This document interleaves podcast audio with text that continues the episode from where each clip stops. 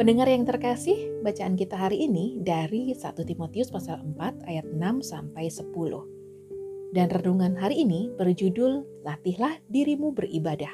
1 Timotius pasal 4 ayat 6 sampai 10. Dengan selalu mengingat hal-hal itu kepada saudara-saudara kita, engkau akan menjadi seorang pelayan Kristus Yesus yang baik, terdidik dalam soal-soal pokok iman kita, dan dalam ajaran sehat yang telah kau ikuti selama ini. Tetapi jauhilah tahayul dan dongeng nenek-nenek tua.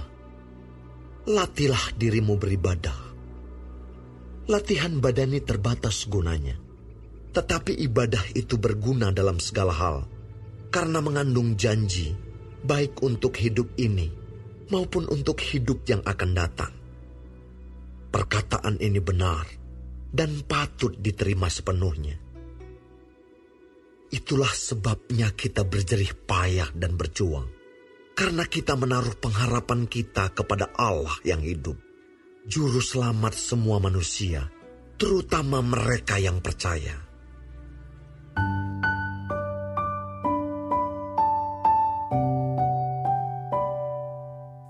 Tetapi jauhilah tahayul dan dongeng nenek-nenek tua. Latihlah dirimu beribadah. 1 Timotius pasal 4 ayat 7. Pendengar yang terkasih, ibadah merupakan bentuk ketaatan kepada Tuhan yang diatur sedemikian rupa oleh gereja dalam bentuk liturgi. Dengan adanya liturgi ini, maka ibadah dapat berjalan dengan tertib sehingga setiap umat dapat menghadap Allah dengan kusyuk. Akan tetapi ternyata ibadah yang dimaksudkan oleh Paulus kepada Timotius bukanlah ibadah dalam bentuk liturgi seperti yang dilakukan dalam gereja sekarang. Ibadah yang dimaksudkan oleh Paulus adalah hidup yang selalu disiplin dalam melakukan firman Allah. Kedisiplinan seperti yang diterapkan oleh para atlet yang selalu menjaga kebugaran tubuhnya dengan tidak makan dan minum secara sembarangan, lalu beristirahat dengan teratur serta menghindari aktivitas yang tidak berguna seperti begadang. Bagi seorang Paulus, ibadah itu lebih menekankan kehidupan yang bertumbuh dalam iman yang diwujud nyatakan dalam kehidupan sehari-hari dan yang berubah menjadi seperti Kristus. Ibadah bagi Paulus bukan menekankan pada serangkaian liturgi dalam gereja.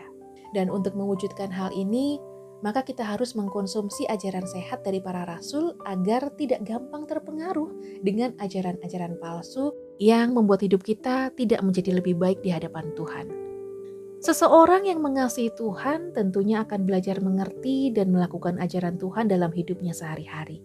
Dengan demikian, hidupnya akan mengalami perubahan yang diawali dari pola pikir yang benar bahwa beribadah secara liturgis itu adalah salah satu bentuk kasihnya kepada Tuhan ibadah yang kita lakukan harus merubah hidup kita, karena ibadah yang sejati itu bermanfaat untuk kehidupan sekarang maupun yang akan datang.